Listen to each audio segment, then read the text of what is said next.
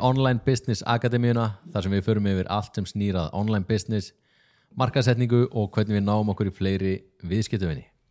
Og það er akkurat það sem við viljum að gera í dag. Við viljum að fara yfir það hvernig einstaklingu fer að því að ná í svona fyrstu viðskiptavinni Já, eh, þegar hann startar online starfsemi. Hvort sem að það er þjálfari, ráðgjafi eða einhver sem er að bjóða upp á þjónustu í gegnum netið. já, um,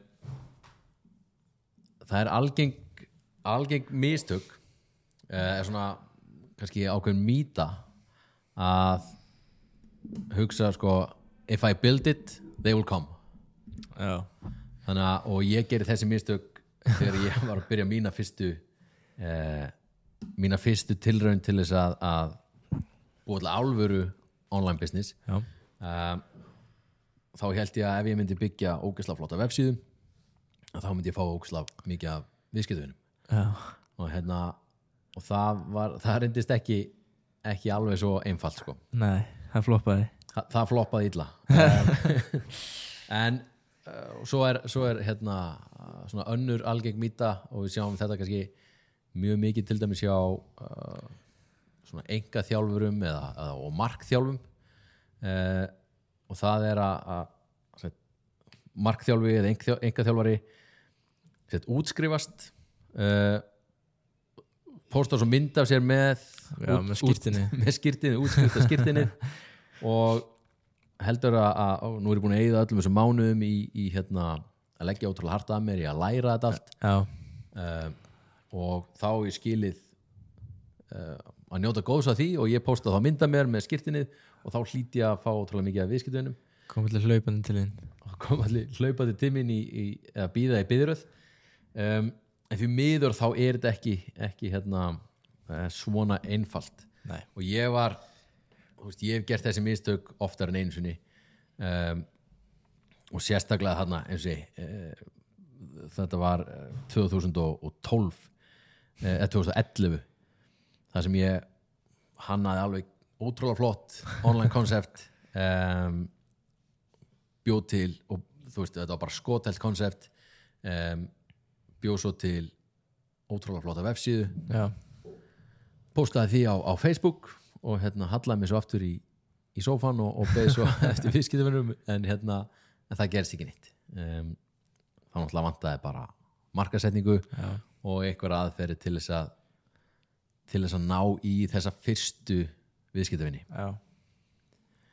Uh, áður en förum kannski yfir það hvernig við eigum að ná í hvernig við eigum að ná í þessa fyrstu já bara, þú veist, okkar allra fyrsta viðskiptavinn og svo tala ég oft um kannski fyrstu 15-30 viðskiptavinnina uh, og jafnvel fyrstu 50 að, að svona fyrstu 50 eru svona mikilvægustu viðskiptavinniðinir Já. og, og við getum notað uh, svona tildurlega einfaldar aðferði til þess að ná í þessa fyrstu viðskiptavinni. Já, uh, en áður en við förum við það þá, þá ætlum ég að halda áfram að fara yfir, yfir svona þessi mistök sem, að, já, ok. sem að er, er hérna, við sjáum. Já, uh, það sem að gerist oft þegar, ég, þegar fólk áttar sig á því að það virkar ekki að bara íta bara publish. hýta bara publish eða búa til eitthvað ótrúlega flott plattform eða, eða hérna, websíðu og svo uh, eða posta mynda mér þegar ég sé að það virkar ekki. Það sem er mjög algengt að gerist þá er að fólk fer og kaupir auglýsingar.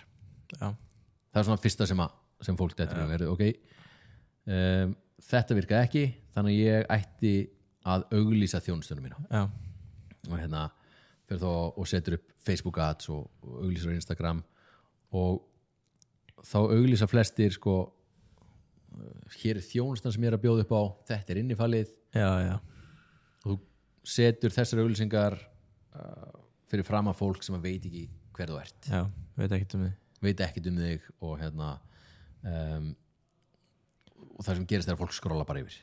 Um, þannig að þetta, þetta er svona, já, þetta er algengasta, þeir sem er að byrja þeir halda if I build it eða if I let them know, they will come. Já, og þegar það gerist ekki, þá fer ég gerir Facebook-auglýsingar. Já, og hérna, ég sé að fólk er að býða með að gera Facebook-auglýsingar ef það er að byrja. Já, um, og það er vegna þess að ókunnir einstaklingar eru ekki efni í fyrstu viðskiptavinnu. Nei, einmitt. Þannig að fyrstu segja fyrstu 15-30 viðskiptavinnir eru nú þegar á Já, á Facebook eða Instagram.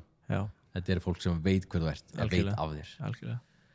Uh, og ég held að, að þú getur hérna uh, tekið undir það eins og bara með þína starfsemi þegar, þegar þú að fyrstu viðskiptavinni þínir voru fólk sem að bara voru í svona einstarhing eða þú veist, allan einu einu skrifi frá því að vera þú veist já, þeir eru er- annarkvort í Instaring eða einum kontaktaðilega frá því að vera í Instaring einum aðalega, já, á milli, já, algjörlega. Þannig að þetta var fólk sem að vissi af þér, vissi hvað þú hafði fram að færa og búið að vita það í eitthvað tíma. Um, vegna þess að til þess að ná í viðskiptavinni í svona starfsemi uh, þjálfari, ráðgjafi eða selja eitthvað þjónustu þá þarf að vera þessi no, like og trust faktor sem við erum alltaf að tala um. Um, og ef sko, ef við getum ekki selt fólki sem að þekkir okkur já, þá getum við ekki selt ókunnugum einstakling. Það er þetta mjög góð punktur. Þannig að við þurfum að sem sagt, byrja á að selja þeim sem að þú veist, vita hver við erum, líka við okkur og, og treyst okkur, það er auðvelt fyrir okkur að, að selja þeim. Eða auðveldara.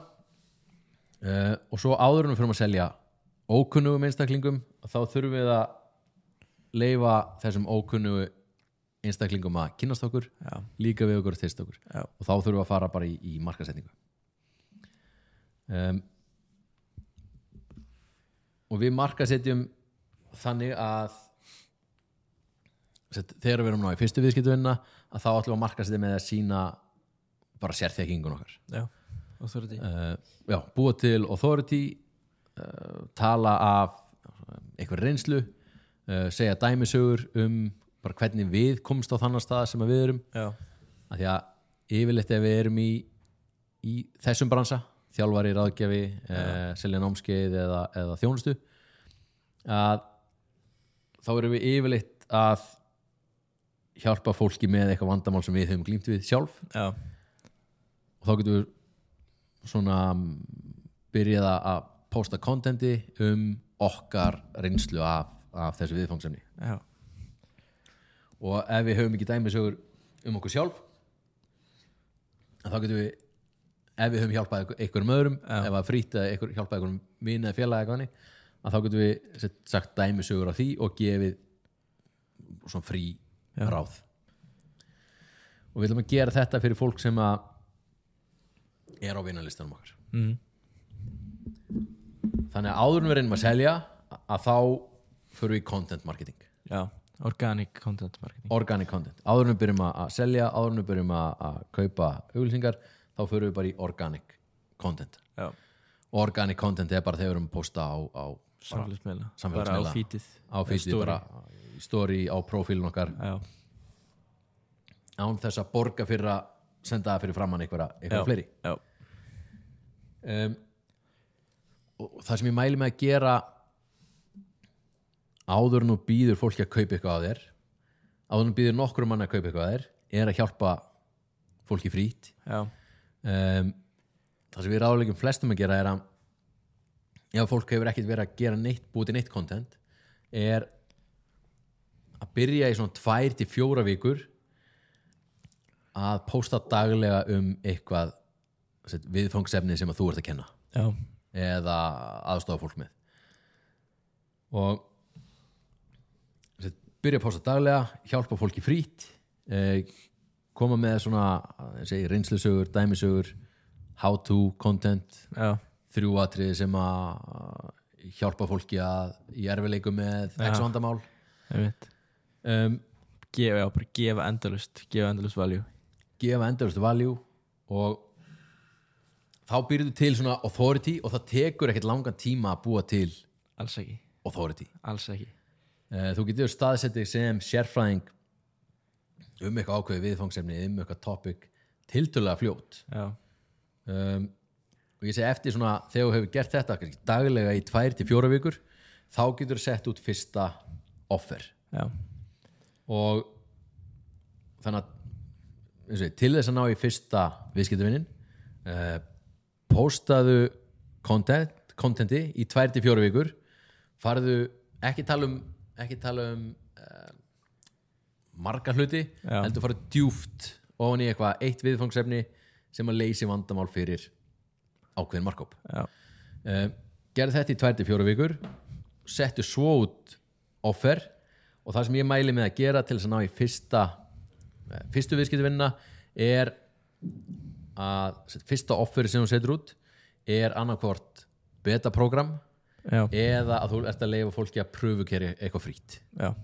Gefa eitthvað eitthvað frýtt stöf þannig að sem hjálpar hjálpa þeim. Akkurat, þannig að og líka ef maður til skjöta hans inni ég hérna bara núna í gær þá tók ég fund með henni einni stelpu sem er er sem sagt uh, langar að fara stað með uh, online starfsemi eða online program um, og elsta vandamála hennar var að koma sér stað að gefa út content já, byrja að Þú veist, henni vantaði svona spark í rassina að þú veist, byrja að gefa út content og, að, og kannski ástæðan okkur hún var ekki byrjað að gera það var þegar henni fannst óþægilegt að standa fyrir frá hann einhvern og, og vera óþórið í Mm. um, hann hræðsla bara já, hræðsla við að að byrja að posta. Já, það er mjög, mjög, mjög algengt já, og bara, ég hef oft lent í þessu. Mm. og það sem ég sagði við hana er að hérna og bara þetta er, veist, bara tekið úr uh, út frá minni reynslu. Um, að- vera bara búin að ákveða. Setja þetta inn í to-do listan á deginum. Mhm. að þú klárar ekki daginn nema að setur út eitthvað content. Akkurat. og alveg sama þótt að sé gott eða ekki. Það verða ekkert allir póstanir eða öll podcastiðin eða, eða öll vídjón sem þú gefur út. Þau verða ekkert 100% góð. Mm. en ef þú ert ekki að gefa það út það er ekkert að gerast. Akkurat. það er mikilvægur að fólk viti af þér já, heldur en að þau sjáu fullkomi content í hvert einasta sinn. Já, þannig að þú veist, ég sé alltaf postaðu frekar meira af efni sem er 80% gott já, í stæðan fyrir að posta mjög sjaldan ykkur sem er 100% já. gott. Það verður aldrei neitt 100% gott. Og við getum alltaf nota þetta þú veist, þessa afsökun uh, fullkomnar áráttu um, þú veist, finnst ekki verið tilbúin uh, þetta er bara þetta er í grunninn bara hræðsla.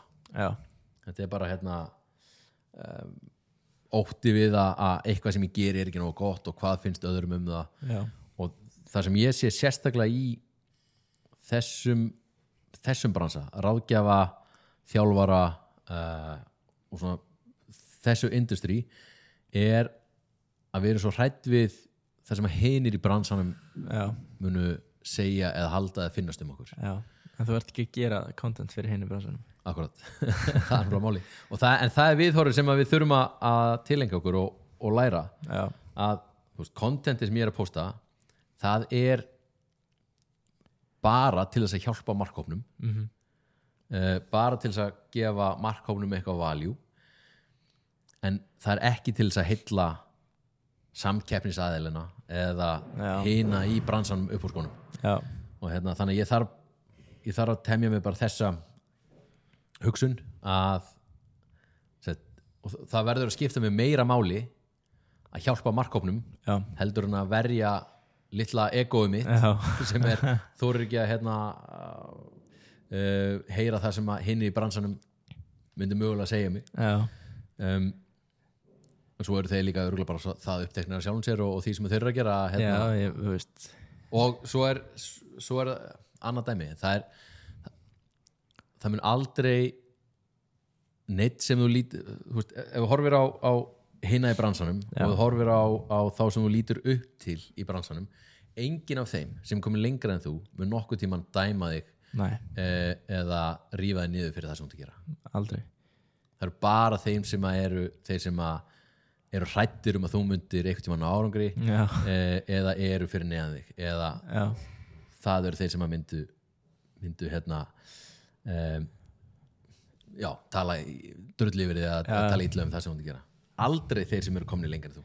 Já og það er yfirleitt veist, það er mjög oft fleira eða meira fólk sem að er ekki veist, er hrættur um að árangri eða mm. hrættur um að þú veist, já, fleira fólk sem er þannig heldur en heldur en hins veginn sko. Þannig að ég skil alveg okkur, okkur fólk veist, myndi vera hrætt. Mhm. en við þurfum bara, þú veist ef þú ætlar að vera, ef þú ert búin að taka ákvörðun um að vera með online starfsemi þá þarf það að vera með online presence Já. og þá þarftu að vera ábyrjandi fyrir markaábyrðin og þú þarft að markasetja, annars getur þú bara að fara að gera eitthvað annað. Já, þannig að þú verður að byrja posta og þú verður að posta reglulega. Um, og til þess að ná í þessa fyrstu viðskiptuvinni þá þartu að, posta því í 2-4 vikur uh, daglega um eitthvað ákveðið topic uh, settu svo út offer uh, og bjóttu fólki að prófa sett, að vera þáttakendur í beta-programmi eða beta-útgáfu af þjónustunni sem þú ert að starta eða prófa frítt í 14 daga.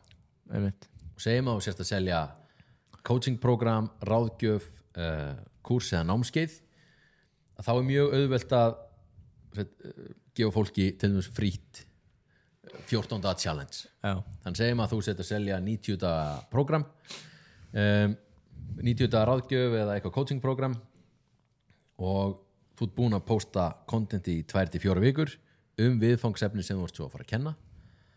Þá getur þú sett út offer og sagt, heyrðu, mér vantar mér vantar 10-15 einstaklinga til þess að pröfukeira uh, 14 daga challenge, það er Já. það kostar ekki neitt. Ef þú ert einstaklingur sem vilt uh, ert að glíma við þetta vandamál og vilt þessa útkomu uh, væru til að prófa þetta frýtt með mér bara meðan ég er að, að hérna, að ég þarf að pröfukera nýja systemi mitt. Já, um, og svo færðu kannski 50 manns til þess að prófa frýtt í 14 daga. Já, það er nóg til þess að fólk nái fá svona smjörþefin af því sem að koma skal. Mm nægur tíminn til þess að ná smá árangri. Já, uh, og svona koma ykkur momentum af stað. Eftir 14 daga að þá býður fólki að segja, herðu, hérna uh, við erum fara að halda áfram með þetta. Uh, má bjóða þær að kaupa restina af prógraminu. Og hérna og ef þetta er gott stöf að þá mun meiri hlutin fylgja þér áfram í 90 daga prógramið. Já, Um, en þau, en þau þurftu kannski auðvelt svona fyrsta skref um, þú veitur að auðvelda þeim að taka svona, st- fara með fótinn yfir þröskuldin já, og það gerur með því að bjóða þeim 14 daga frýtt challenge. Uh, hitt sem þú getur gert er að bjóða fólki að vera beta testarar. Mhm, og þá gerur það sama. Þú postar kontenti í um, um viðfangsefni sem þú ert að, að hjálpa fólki með í 2-4 vikur setur svo út offer.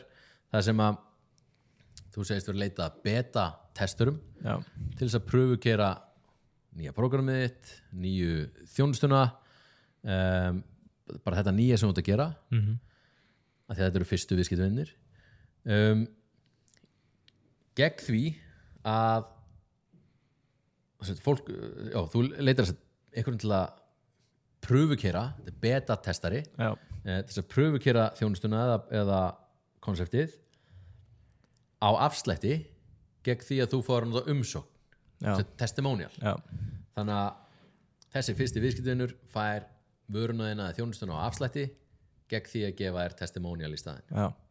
Sem við getum svo notað til að byggja upp social proof. Já, svo segjum að, að þú setur út offer uh, segir ég er að leita af hérna fimm einstaklingum til þess að vera beta testa nýja konceptum mitt. Já, uh, þú færð fimm nýja viðskiptuvinni sem að kaupa á 50% afslætti já, en þú færð fimm árangursögur í staðinn já, sem þú getur notað sem marketing content til þess að ná í næstu fimm eða 50 Já, já. viðskiptuvinni um, en þetta er raunin svona einfalt. Byrjaði að posta content. Byrjaði að, hérna delivera bara value fyrir uh, markkópiðin en fara svolítið veist, djúft í eitthvað ákveð viðfangsefni í staðin fyrir að tala um uh, hérna grund um marga hluti. Fara þá bara í eitt topic og farðu, farðu djúft uh, þannig að þú sért fólk sjáu þig bara eftir nokkra daga sem authority um þetta ákveðna topic. Já, þegar þú gert það í nokkra vikur. Þegar herrum, ég vantar ég er að leita nokkrum til þess að pröfukera ég er að fara að stað með svona þjónustu ég er að fara að stað með svona námskeið. Mér vantar eitthvað til þess að testa þetta fyrir mig annarkvort gegn afslætti eða hérna, prófa þetta frýtt Já. í 14 daga. Og já, þetta er í rauninni svona einfalt. Já, þannig að ef þú ert að byrja einhverja nýja, nýtt konsept online konsept hvort sem það er þjálfun ráðgjöf eða eitthvað konar þjónustustarfsemi að þá er þetta það sem ég myndi mæla með að gera til þess að ná í fyrsta viðskiptuvinnin og með því að gera þetta svona þá yfirleitt með því að setja út svona offer að þá nær maður yfirleitt ekki bara í einn nýjan viðskiptuvinn til að byrja með heldur þú veist 5 til 15 já, Já, og fer eftir hvernig konseptið er. Um, og hugsar út í það þá engin kostnaði við þetta heldur. Nei, það er engin, það er engin kostnaði við þetta þú ert ekki að keira auglýsingar. Nei, uh, þetta er bara tímavinna sem fer ég að búti content og samskipti við fólk.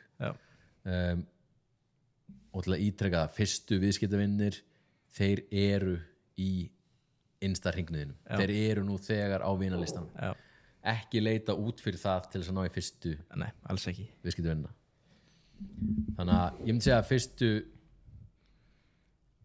fyrstu öruglega sko er eitthvað starf byrjun 30 til 50 fyrstu viðskiptavinnir já, vita af þér í dag.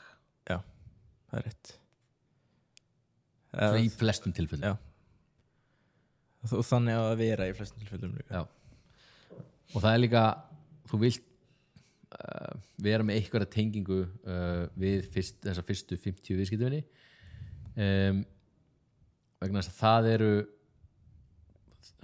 fyrstu svona 50 viðskiptavinnir eru þeir sem að fara svo út og tala um þjónustunaðina og konseptið þitt við aðra. já, og þú vilt að það séu fólk sem að þekkir þig, já, líkar við þig og tristir þér já, og vill þér vel. Einmitt. Um, já þannig að þetta, þetta var var hérna svona einföld uh, hvað sé einföld aðferð til þess að ná í fyrsta já, online viðskiptavinnin hefur kannski að að nefna líka svona dítelari og, og lengri útga af þessu viðfangsefni er hérna í Facebook-grúminu okkar á fría workshopinu sem við varst að, að klára dag. Já þannig að þeir sem eru ekki komnir í Facebook-grúpun okkar þá mæli ég með að leita bara að bara Alpha Online Business Academy uh, á Facebook. Uh, joina Facebook-grúpuna. Það kostar ekki neitt.